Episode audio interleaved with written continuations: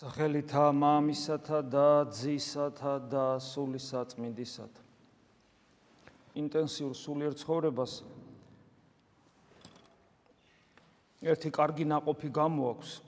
მე გულისხმობ იმას, ვინც ხშირად ეზიარება, ვინც წმინდა წერილს კითხულობს, წმინდა მამებს, ვინც ცდილობს ლოცვის სწავლას, გონიერი ლოცვის სწავლას, ვინც ფიქრობს ბევრს უფალზე, ვინც ცდილობს რომ არ დაივიწყოს რომ ქრისტიანია რომ ქრისტიანობა და შესაბამისი ცხოვრების წესი ჩვენი ვალდებულებაა, იმიტომ რომ ჩვენ აღთქმა გვაქვს დადებული.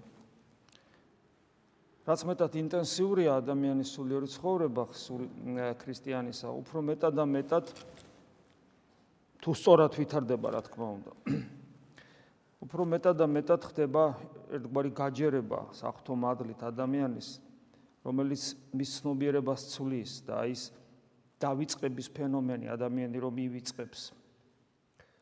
ღმერთს ივიწყებს ქრისტიანულ ღირებულებებს ღირსებას ივიწყებს ამას სოფლის ამაოებას გარდაცვალებას ცხოვრების საზრის. ეს სულ ხდება სულ მუდამ ხდება რა თქმა უნდა თუ ადამიანს კითხავ იგი გაიხსენებს მაგრამ ყოველდღიურობაში განსაკუთრებულად მაშინ როდესაც ამ ცხოვრებაში რამე ხდება ან კარგი ან ცუდი ან გვაქებენ ან გლანძღავენ ან წარმატება გვაქვს ან წარუმატებლობა ან ძალიან ჯანმრთელად ვართ ან ძალიან ცუდად ვართ.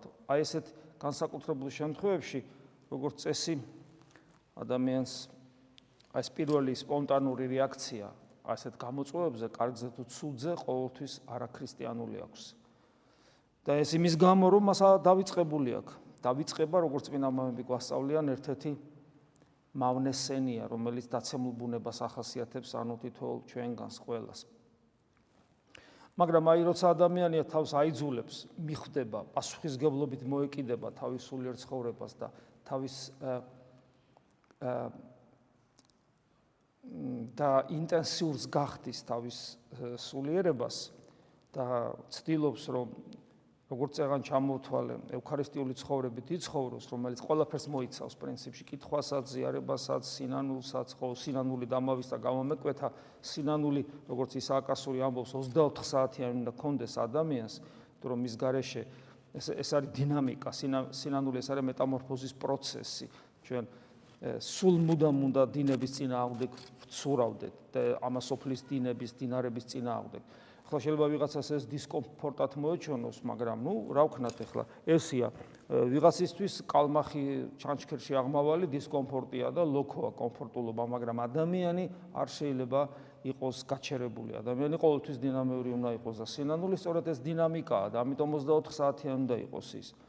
და როცა აი ადამიანი ასე ცდილობს, მასში ჩდება მუდმივი ხსოვნა იმისა თუ აკრისტვის ვართ. და ჩვენ აქ ვართ მხოლოდ და მხოლოდ ღმერთისთვის, მხოლოდ უფალთან შესახვედრად, მხოლოდ იმისათვის, რომ ჩვენი გული გაუხსნათ განკაცებულ ღმერთს იესო ქრისტეს.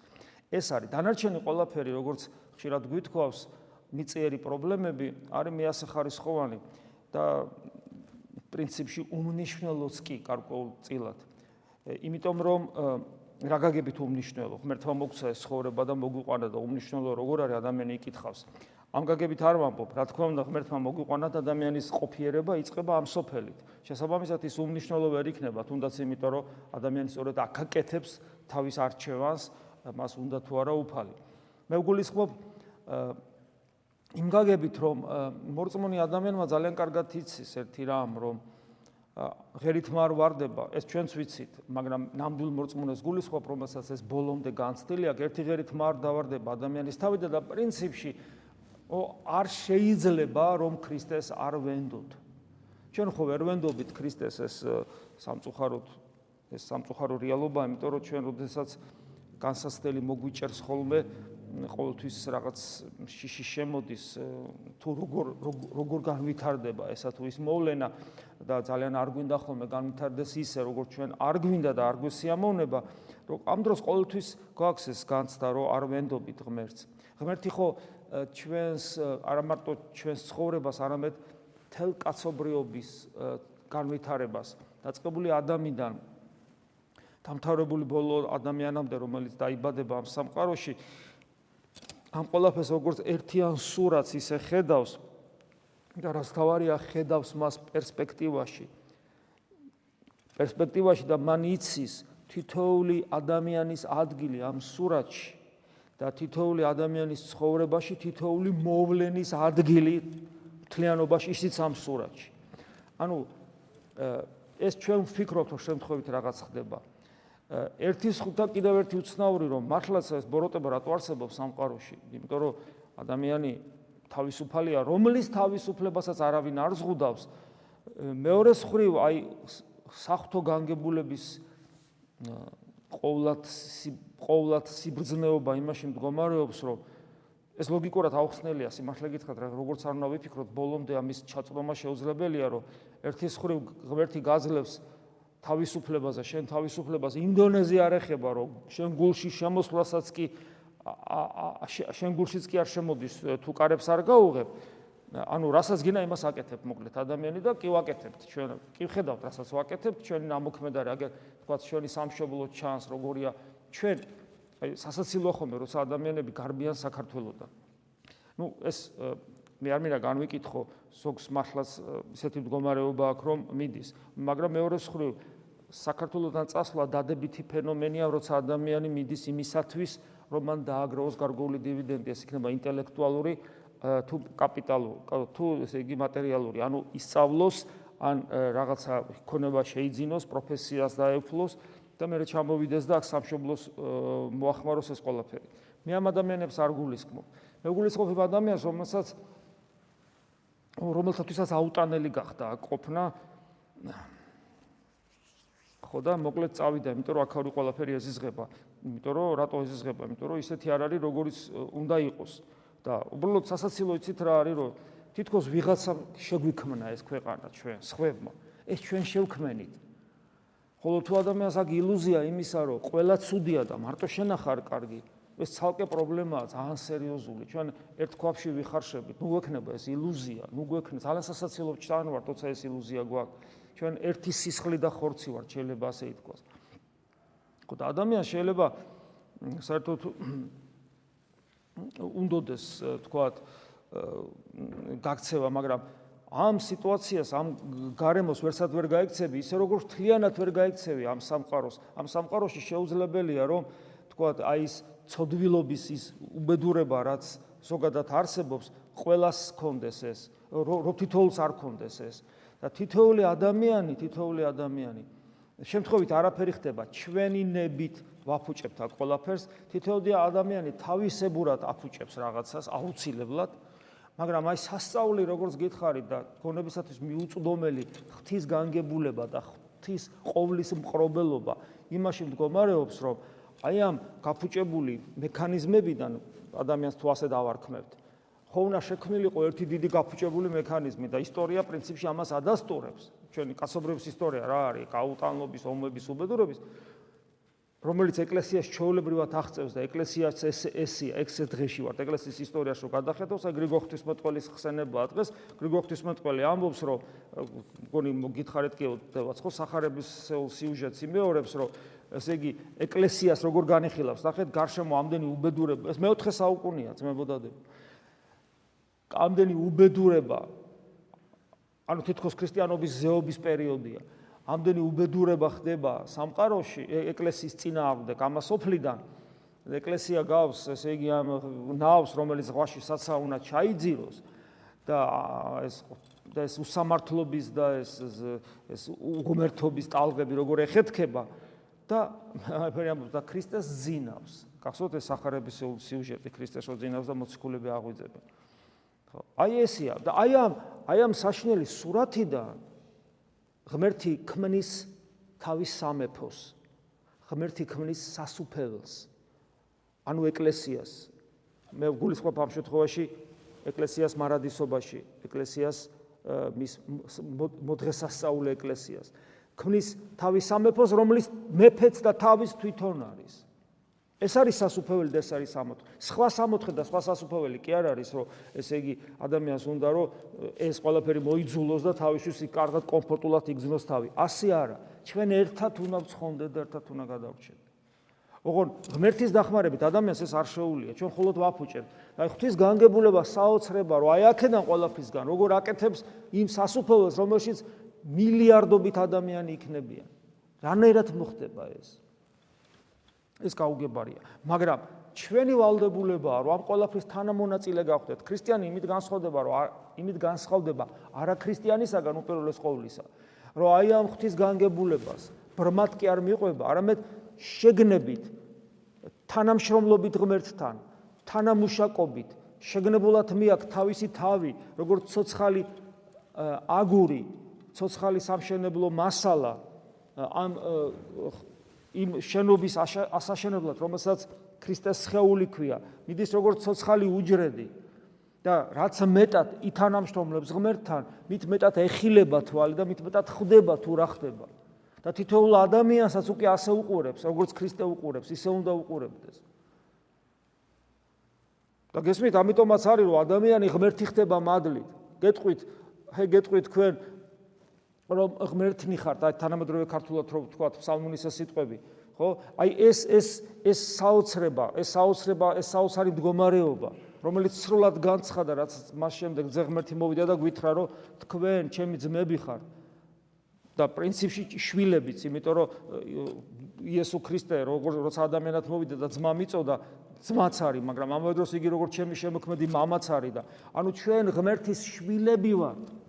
ეს სტატუსი მოგცა და ამ სამყაროში რომელიც უმთავრესი ნახატი სწორედ ჩვენა ვართ და დანარჩენი ყველაფერი ჩვენს ჩვენ ჩვენთვის ფონად არის შექმნილი ამ სამყაროში უმნიშვნელო რომელიც ქრისტე რომელსაც ძე განკაცებული ზეღმერთი თავის თავში შეიერთებს როგორც აფესალთა მიმართ ეპისტოლეში ამბობს ამ სამყაროში ჩვენ განსაკუთრებული ადგილი გვიკავია ეს ეს ადგილი მემკვიდრეობა მემკვიდრეობა ღვთის ანუ ღმერთობის ადგილი გვიკავია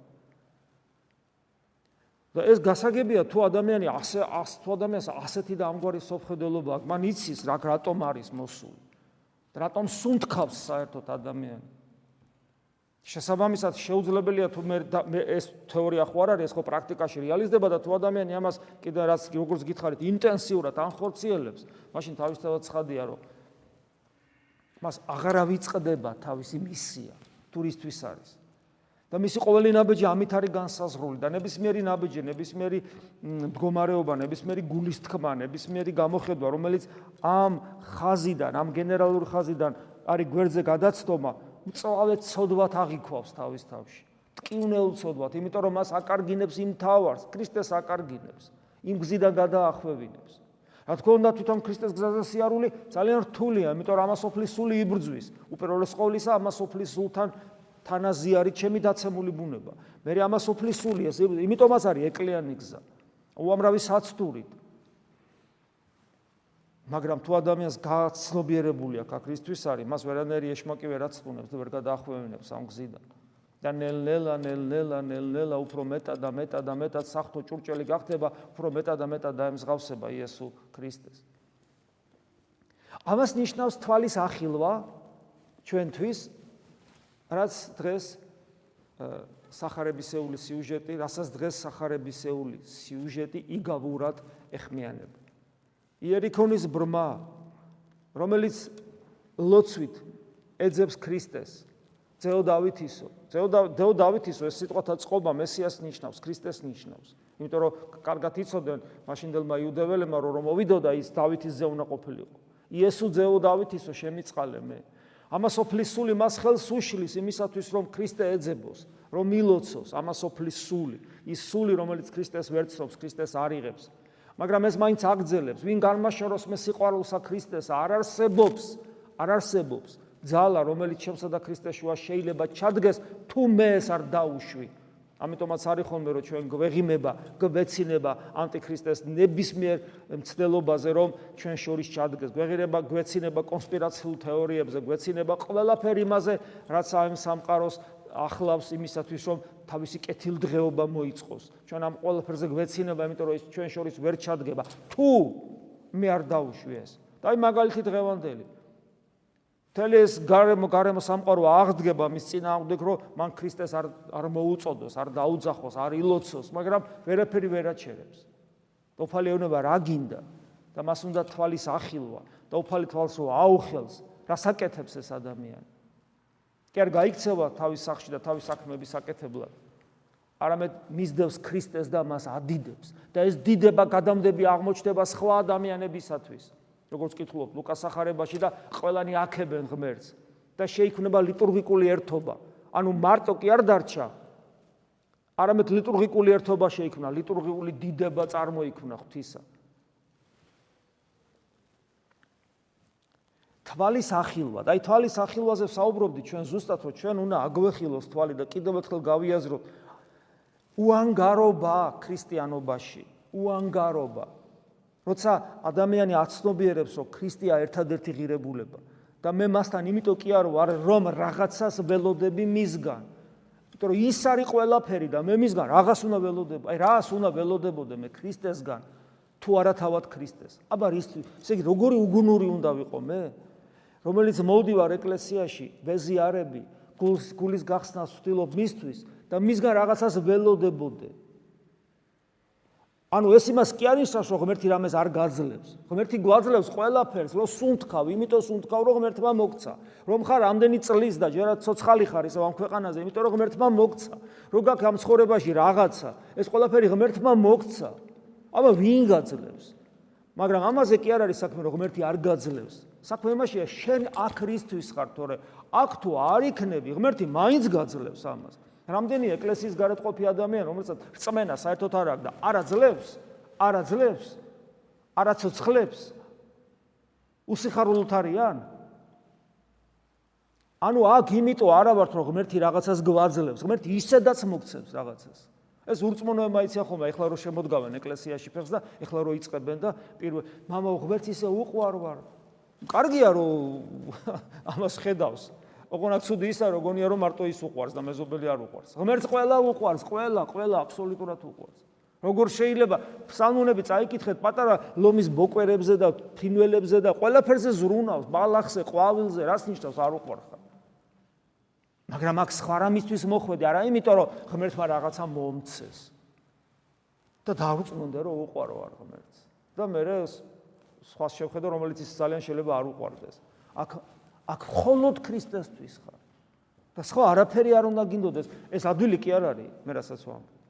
ეს ეს ძნელია, ეს არის ჩვენში ახსაზრდელი, იმიტომ რომ ჩვენ არ გვიყვარს უფალი უანგაროდ. შეიძლება გვითხოვს, რომ სიყვარული ქრისტესადმი არის მაცხონებელი, ხო, აი ეს უნდა მოვიპოვო და სიყვარული ქრისტესადმი უანგარობას გულისხმობს. როცა ის ერთადერთი ღირებული ხდება და მე სხვა არაფერი არ მაინტერესებს. და ეს თვალის ახილვა ჩვენთვის ერთგვარი სიმბოლოა, სიმბოლური სახეა, იგავია. ის მართლა მოხდა, მაგრამ ჩვენთვის იგავური სახეა, რომ ჩვენც რო უნდა აგვეხილოს თვალი. და ქრისტე გვეკითხება, რა გინდა? რა გინდა? აი რა გინდა თეოდორე? თვალის ახილვა მინდა. და თვალის ახილვა რაში მჭirdება? რომ ქრისტე დავინახო, მეტი არაფრისთვის, რომ მე მას მისდევდე და ვადიდებდე და ეს შექმნის ჩემს გარშემო ლიტურგიკულ ერთობას, რომელიც იქნება მადიდებელი ღვთისა. აი ეს არის, ანუ ერთის ხრივ რომ ჩემი საქმეა რომ მე დავინახო, მე არ მინდა სხვა არაფერი, გარდა ქრისტეს დანახვისა. და როცა დავინახავ და მას ვადიდებ, მე ჩემს გარშემო უამრავი ადამიანი დაიწყებს მის დიდებას და მიზეზი ქრისტეს დიდებისა, ძეხთის დიდებისა, გარკვეულწილად ხომეც ვიქნები, ეს არის თანამშრომლობა ღმერთთან, ეს არის ჩვენი გასაკეთებელი. ამას ნიშნავს იყავით ნათელი ამას ოფლისა, ამას ნიშნავს იყავით მარილი ამას ოფლისა. ჩვენ ეს თითოეული ჩვენგანის პასუხისგებლობა. თუ ასე არ ვფიქრობთ, თუ ასე არ ვფიქრობთ, მაშინ ჩვენი თვალის ახილვა არ ხდება, ჩვენ თანამშრომლობით აგვეხილება თვალი. თანამშრომლობით. გვეკითხება ქრისტე რა გინდა? თუ მე თვლი რომ ბრმა არა ვარ, თუ მე თვლი რომ შენ რათას კარგად ვარ რა, რა პრობლემა მაქვს? მე ვთხოვ სხვა რამეს. მაგრამ არა, მე მინდა დაგინახო შენ, შენ დაგინახო, მე სხვა არაფერი არ მინდა. ამიტომ მინდა თვალის ახილვა. და ქრისტე მეკითხება რა გინდა თეოდორე? ანუ ეს რას ნიშნავს? ჩემი გულის სიღრმეს გამოიძიებს უფალი და იქ უყურებს. რა უნდა თეოდორეს? მე დავინახო ღმერთი თუ მინდა რომ ეს ხორება კარგად მოვიწყო? აი რა მინდა მე? და ღმერთს ხო ვერ მოვატყილებ აი როგორც გითხარით ნახეთ რა ხდება. ესე იგი ადამიანი შემოდის და ესე იგი ადამიანს თვალე რო აეხილება ناყოფად რა გამოაქვს ლიტურგიკული ერთობა, ყველანი ერთად ადიდებენ.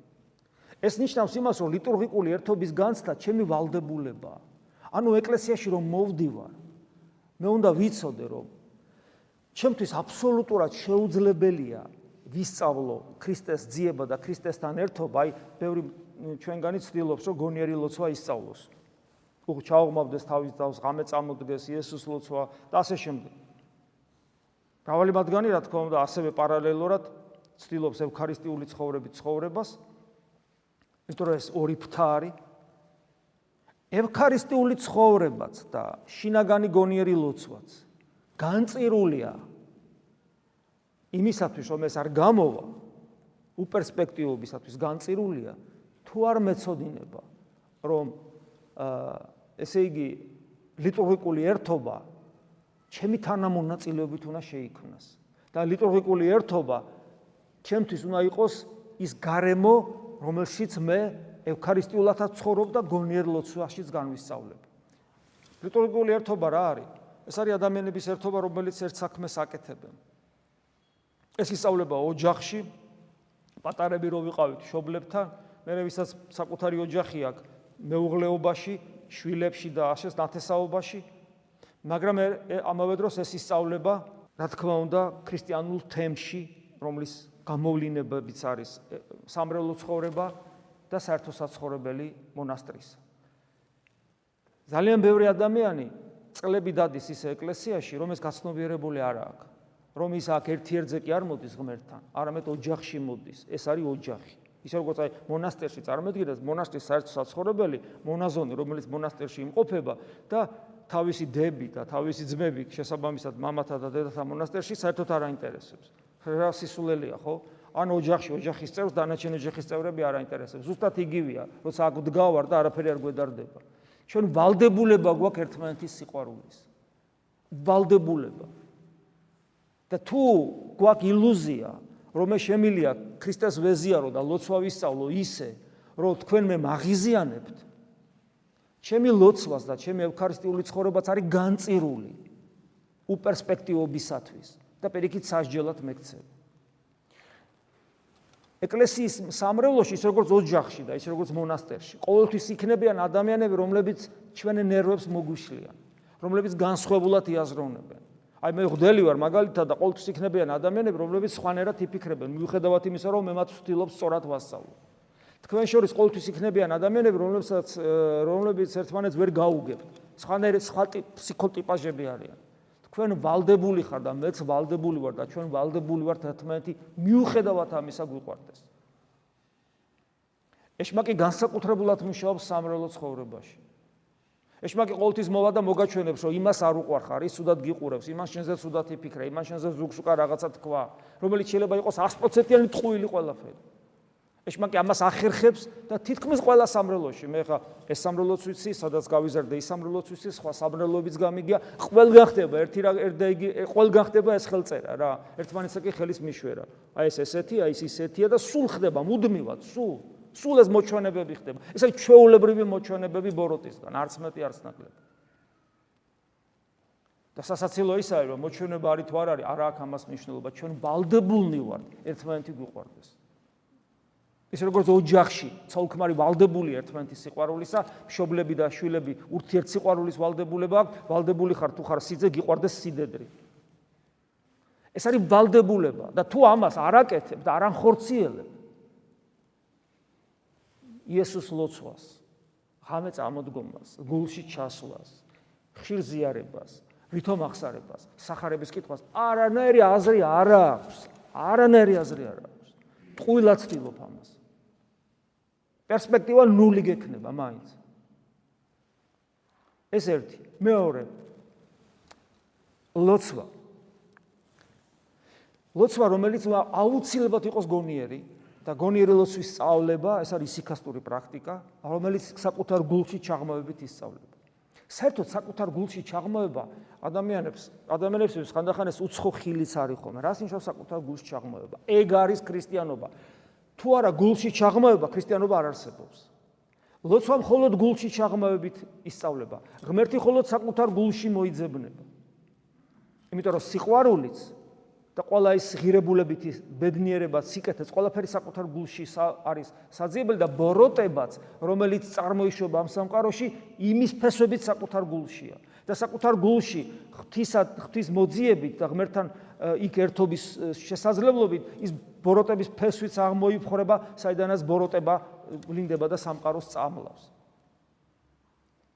ამიტომაც გონიერი ლოცვა ეს არის და გონიერი ლოცვა ზოგადად ლოცვა სხვანაირი არც არსებობს. ისწავლება ისიქასტური პრაქტიკით და მე უკვე როცა ადამიანს ეს პრაქტიკა გამჯდარი აქვს ის ყოველდღიურობაში მანქანას ატარებს თუ ჭურჭელს რეცხავს თუ რაღაცას აკეთებს ტაძარში დგას და აუჯდომელს კითხულობს ფსალმუნებს აღავლენს რასაც არ უნდა აკეთებდეს დღის განმავლობაში იესოს ლოცვას ამბობს რასაც არ უნდა აკეთებდეს მისი ლოცვა გონიერ ლოცვასთან წილნაყარია, იმიტომ რომ მას განსაკუთრებულად ნამუშევარი აქვს ისიქასტური პრაქტიკით, ანუ საკუთარ თავში ჩაღმავებით და ყურადღების კონცენტრაციით გულში და საკუთარ თავზე იძულებით, რომ გულიდან თავისი ყურადღებით გარეთ არ გამოვიდეს. და ყველა პირობას უქმნის ამისათვის საკუთარ თავს და მთელი ასკეზა მისი აწყობილი ამაზე.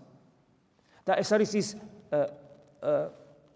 ინდიკატორი მე რითაც ის საზღვრავს ადამიანთან ურთიერთობაში რამე ხوار შეეშალა, იმიტომ რომ საკმალისი ადამიანს თუნდაც სამართლიანად შენიშნა კაცრად უსიყვარულოდ მისცე, აღარ ლაპარაკობ ყვირილზე, ღრიალზე და ჩხუბზე და უსიყვარულობაზე და განკითხვაზე და სიძულზე და ბოღმაზე. უბრალოდ შენიშნა მისცე, უბრალოდ შენიშნა მისცე უსიყვარულოდ, სამართლიანი შენიშნა, უსიყვარულოდ.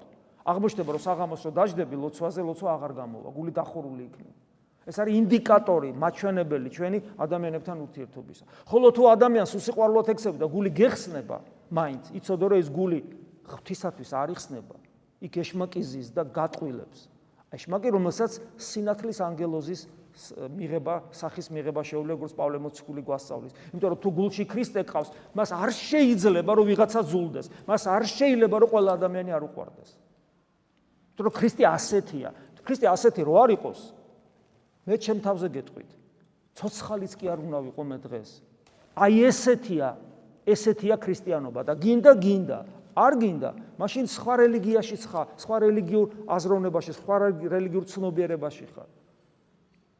გესმით, აი ამაშია საქმე. იმიტომ რომ თუ ქრისტე უსამართლოდ, თუ ქრისტეს უსამართლოდ უყარს ადამიანი, მადლობა ღმერთს, იმიტომ რომ სხვანაირად მე ვერ შემიყვარებდა, ჩემი შეყვარება შეუძლებელი იქნებოდა. და აი ლოცვასთან დაკავშირებით, როცა ბრმას თვალები ეხილება და ხედავს, ესე იგი, ქრისტეს და ქრისტეს დანახვა ეს არის მთავარი, ხო? რაც რაც ჩვენ უნდა გვინდოდეს, აი აქ რო ვარ, მე მინდა ჩემი სიტყვები გვერდზე გადავდო და არქიმანდრიტ ემილიანეს სიტყვები წაკითხოთ, რომელიც ფიქრობ, რომ ძალიან ეხმაურება ამ ჩვენ დღევანდელ თემას და ძალიან გულში ჩამწრომია ეს სიტყვები. იგი ესე ამბობს: გონიერი ლოცვა ესა მოუშორებლად მიპყრობილი მზერა ღმერთსა და მის ძეზე, რომელიც ყოველთვის და ყველგანა ჩემს წინ და ჩემში. სხვათაშორის მე ადრეს გითხარით წლების იქით, რომ აი ღმერთთან ყოფი და ცხონებული ადამიანი სინათლის ჩანჩქერში იმყოფება. და სინათ ეს ოღონდ სინათლე არის ყველგან, ჩვენ შიგნითაც და ჩვენს გარეთაც. ოღონდ ეს სინათლე, ეს სინათლის ჩანჩქერი არის ცოცხალი ღმერთი. იგი ცოცხალია. რომელსაც უყვარვარ. რომელთანაც ურთიერთობა შეიძლება, რომელთანაც საუბარი შეიძლება. და ამიტომაც ამბობს აი ესე ემილიანე, რომ ესე იგი გონიერილოსო ეს არის მოუშორებლად მიპყრობილი მზერა ღმერთსა და მიზეზე, რომელიც ყოველთვის და ყველგანაა, ჩემს წინ და ჩემში, სურს ეს თუ არა. მაინც ვაცნობიერებ ამას და ვამბობ უფალო იესო ქრისტე. აი აქ ჩემში ღმერთი ცხოვრობს. და როგორც დედას ეს კაი შედარებას ამბობს, თუმცა ეს ადრეს გვითხოვს, რომ ყოველი ადამიანი ესე იგი ღვთისმშობელს უნდა გავდეს. და როგორც დედას ესმის და გზნობს თავისი პატარას ყველა მოძრაობას, შეკრთომას და ხმას, ასევე ღმერთი მაძლევს ნებას. ჩემივე არსებაში ვიგზნო მისი ყველა მოძრაობა, აი ამით გავს ყოველი ადამიანი ღვთისმშობელს. ანუ ჩვენში უნდა ვიგზნოთ ქრისტეს ყოველი მოძრაობა. ყოველი მოძრაობა და სუბანახალი ღვთისმოწყალე რას ამბობს თუ ამას ვერ გზნობ შენში ქრისტეს თუ ვერ გზნობ საფრთხუმადრის მოქმედებას თუ ვერ გზნობ შენ ქრისტიანი არ ახარო გეუბნები რომ ჩემი არსებაში ვიგზნო მისი ყველა მოძრაობა როგორც ხან სიხარული და ხალისით მიბწყინდება ხან ცრემლით მევსება თვალები ასევე თავად მე ხან მშვიდად წარმოთქვავ ხან კი მოვთქვავ. უფალო იესო ქრისტე. განუწყვეტელი ხმობა უფალო იესო ქრისტე. ღმერთის ეს უბრალო ბუნებრივი და მეგობრული მოწოდება გახლავთ სწორედ დაჟინებული ჭრეტა საიდან ისწავლება? გონიერი ლოცვა. აი აქედან რატო ვერ სწავლობენ? იმიტომ რომ იწებენ და აბერაგზელებენ იწებენ იწებენ და ვერაგზელებენ იწებენ და ვერაგზელებენ რომ დაიწყებ აღარ უნდა დაამთავრო უნდა ბოლომდე მიიყვანო. სიცოცხლის უკანასკნელ ამოსუნთქვამდე. შენი გულის ცემა და სუნთქვა თუ ნაქციო იესოს სახელი. ну გავცელებულია რომ იცი ამას ჭირდება მოძღვარი. არსებობენ მოძღვრები სამყაროში მადლობა ღმერთს. აგერ იოსიფის იკასტი სულ ეხლა ხან მოღვაწეობდა და მისი სკოლა არსებობს უამრავი წარმომადგენელი მოიძიეთ ჩადით ნახეთ გაესაუბრეთ. და საბოლოო ჯამში ლოცვის მასწავლებელი თავად ქრისტია. ქრისტია თავად მასწავლებელი. მოძღვარ შეუულია მაგას მიგანიშნოს ხოლო. შენ თუ მოინდომებ როგორ შეიძლება რომ ქრისტე მოარი გითხრას შენ გულში შემოსულ შემოსლას. ქრისტე უარს გეტყვის, რომ შენ გულში შემოვიდეს, შენ თუ მოინდომებ. და ეგ არის გონიერი ლოცვა, სხვა რამე კი არა. და მოძღვარი გჭირდება იმიტომ, რომ ამის პარალელურად რაღაცას რო ცდილობ, ამის პარალელურად ადამიანი გიყვარდეს და შენ შენი ამპარტავნება და სიამაყე და ურჩობა არასხივებდეს. და რომელიც მიანიშნებს, რომ სინამდვილეში ხიბლში ხარ. ხიბლი ასე დასტურდება. გონიერი ლოცვა კი არ იწვევს ხილს. ადამიანის სიამაყე, ამპარტავნება, უგუნურება, ურჩობა ღვთის განგებულებისად მიწვევს ხილს და არა გონიერი ლოცვა. ღმერთი კი დანახვის მოწადინეს თვალებს უხელს. ვისაც სურს ეს თვალებს უხელს. და დადგება დრო, როდესაც ავალთ ჩვენი გულის თაბორზე და დავინახავთ ღმერთს ისეც ვითარცა იგი არის ეს იოანე მოციქულის ცნობილი სიტყვებია. მისი პირველი ეპისტოლე როცა იგი ამბობს რომ ჩვენ ჩვენ დავინახავთ ღმერთს როცა წარდგებით მის წინაშე როგორიც ის არის შემდეგ ამას წმინდა სოფრონ საქაროვი იმეორებს. საოცარი სიტყვებია. დიახა ჩვენ ვიხილავთ ღმერთს როგორც არის. იესო ქრისტეს ვიხილავთ თუ ცხონდებით. მაგრამ ეს პროცესი აქვე იწყება დადგება დრო და ჩვენი გულის თაბორზე. ანუ ჯერ გულში ხდება ადამა ჯერ გულიდან განდევნა ღმერთი და მერე დაკარგა სამოთხე. და დღეს ჩვენ გულში უნდა მოვიპოვოთ ღმერთის და სამოთხეც რომ მერე წავდგეთ მის წინაშე. ანუ პროცესი უკნიდან იწყება შეიძლება. ისევ ისევ გულიდან იწყება უბრალოდ აი ეს არის.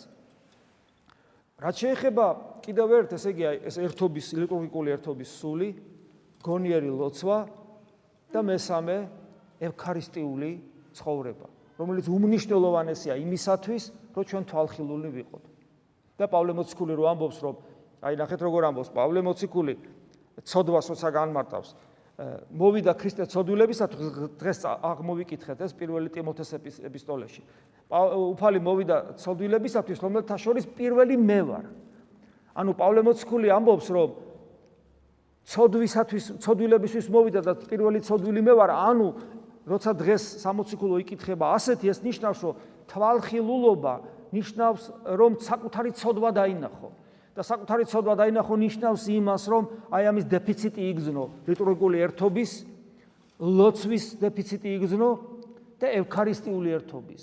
და მე პავლე მოციქული ამბობს რომ როდესაც და უფალმა მე შემიწყალა ეს ცოდვილი და მე ამბობს, ნახეთ რა საოცარ ამეს ამბობს, მე მინდა ჯობია წაგიკითხოთ უფრო უფრო იქნება კარგი. ძველ ქართულად წაიკითხავთ, ჯერ არამედ ამისთვის შევიწყალე, რათა ჩემ და მომართ აჩვენოს პირველად იესო ქრისტემან ყოველი სულგრძელება მისი სახეთ მერმეთ ამათ მორწმუნეთა მისა მიმართ ცხოვრებად საუკუნოდ. ანუ აი ესეთი ცოდვილი, ყველა ცოდვილი, იმიტომ შემიწყალა რომ დანარჩენ მორწმუნეებს დღესაც და მომავალშიც აჩვენოს თავისი სულგრძელობა. ანუ ახაც პავლე მოციქული თავის შეწყალებას რომ შემიწყალა მე ამასაც ლიტურგიკულ ჭრილში განიხილავს რომ მე კი შემიწყალა მაგრამ ამავე დროს ღმერთი აჩვენებს როგორი კეთილი და სახიერია როგორ უყვარს მას ადამიანი და სხვებს აი შენ რომ მოხვალ ჩემს მერე. აი თეოდორე რომ მოხვალ ჩემს მერე და პავლე მოციქული რო იცი რომ ცოდვილი იყო.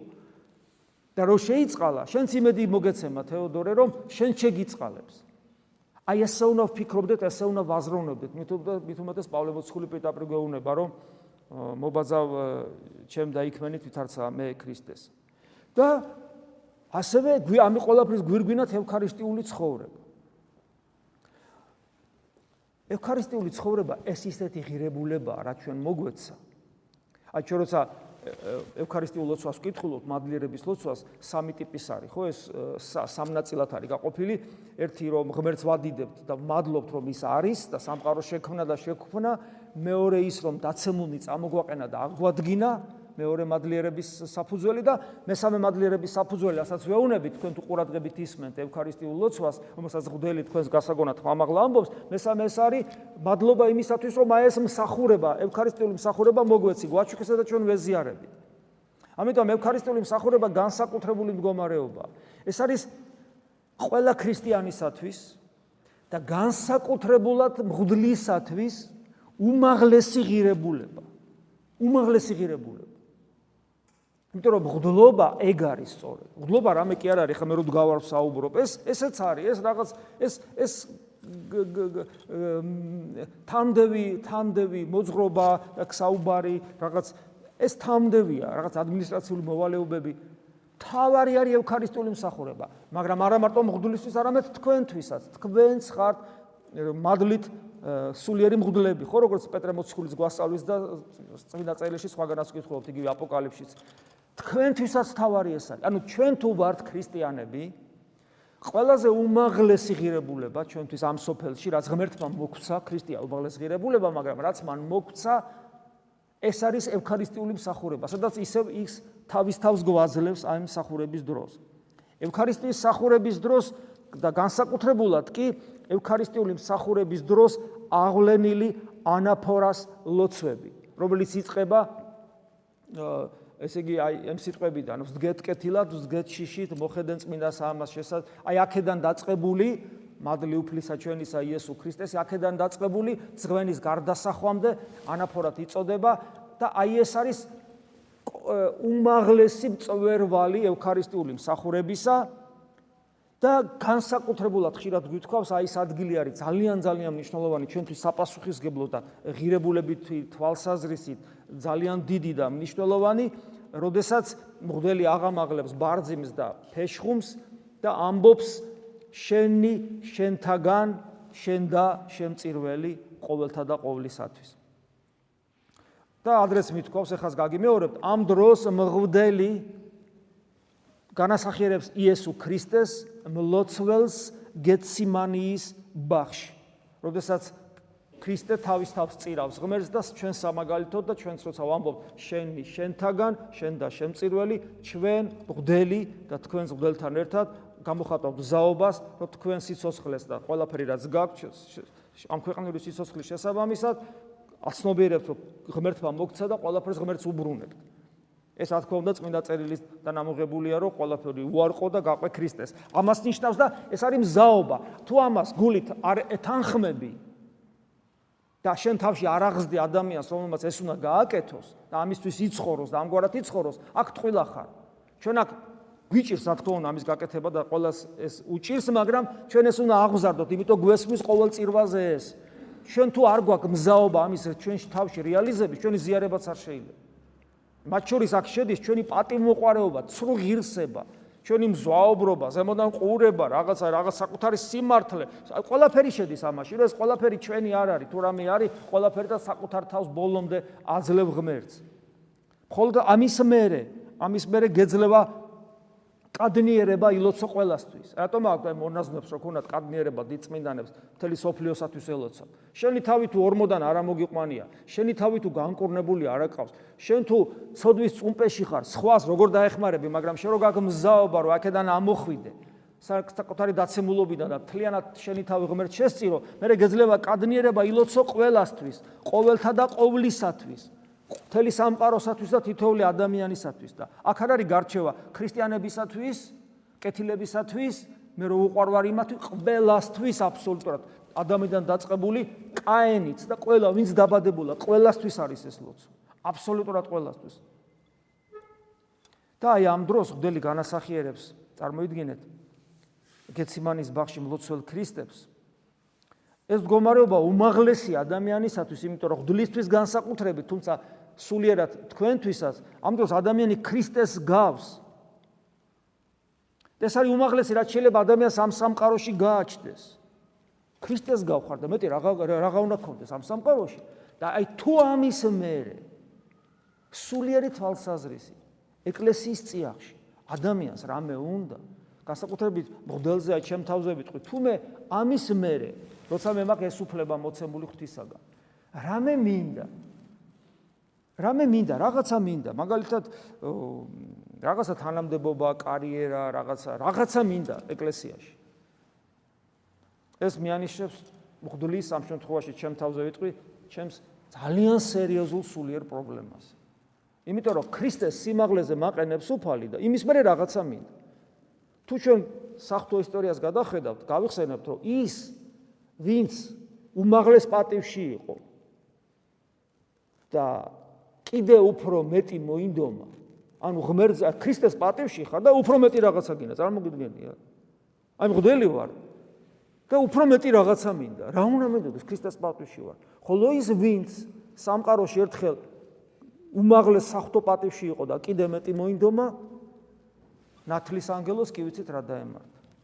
ის სატანად გადაიქცა. აი ღმერთით დაუკმაყოფილებლობა. ღმერთის პატივში ხარ და არ განკმაყოფილებს. კიდე მეტი კი მეტი რა უნდა გინდოდეს ღმერთზე მეტი. აი ხედავთ რა უცნაურია სიამაყე. რომელიც რა თქმა უნდა ესე კი არ მოდის რომ შეღმერთზე მეტი გინდა ეს შეფუთული მოდის ასე რომ ჩვენი სიბრმავე მრავალ პლანშია ესე გაშლილი ეს არის პრობლემა ერთობისა ლიტურგიკული რომელიც ოჯახში საზოგადოებაში სამსახურებში და რა თქმა უნდა სამრევლოში და მონასტრებში უნდა ისწავლებოდეს ჩვენ გვაქვს ვალდებულება ყველა გვიყვარდეს. ეს არის და ჩვენი სიბრმავე სწორედ გომარობს იმაში რომ ჩვენ ასე ვერ ხედავთ ხშირად ჩვენს გარემოს როგორც ვალდებულებას ჩვენი სიყვარულის რეალიზებისა ეს არის გონიერი ლოცვის ვალდებულება აქაც სიბრმავე სიბრმავე გვაქვს რომ კითხულობთ ტექსტებს და ვფიქრობთ ლოცულობთ მაგრამ სინამდვილეში ლოცვა არის ქრისტეს დანახვის უნარი და ამ უნარისაკენ სწრაფვა უნდა გვინდოდეს მისი დანახვა და მესამე ევქარისტიული მსახურება რომელიც არის უმაღლესი თანამდებობა ღმერთისაგან ჩვენთვის მოცემული, როცა ჩვენ ქრისტეს სიმაღლეზე ვიმყოფებით, როგორც ჭეშმარიტად მისი ძმები, მოწაფეები და მეგობრები. და ადამიანმა აცნობიერებდეს, რომ მას უმაღლესი აქვს მიცემული და კიდე სხვა რაღაცა ღმერთისგან აღარ უნდა უნდოდეს. ღმერთი ისედაც გაძლევს, სასופველი ეძებე და მე მე ვიცი შე რა გჭირდება, გითხრა უფალო. აი ესა. აი თვალის ახილვა ნიშნავს ამას და ვებედროთ უფალს, რომ ჩვენს აკხელოდეს თვალი და ჩვენ სწორად დაგვენახოს ჩვენს ქონოდეს ეს ხურვალე სურვილი რომ უფალო როცა უფალი გვეკითხება შიგნით გულში ყური მოყურადებული აქვს ჩვენზე. თეოდორი აბა რა გინდა შენ? ჩემი ქვეცნობიერი თელი თელი შინაგანი სამყარო ყვიროდეს. მე მინდა შენ დაგინახო უფალო ამინ. მადლი უფლისა ჩვენისა იესო ქრისტეს და სიყვარული ღვთისა და მამის და ზიარება სული საწმინდისა იყოს თქვენ ყოველთა თან. ამინ.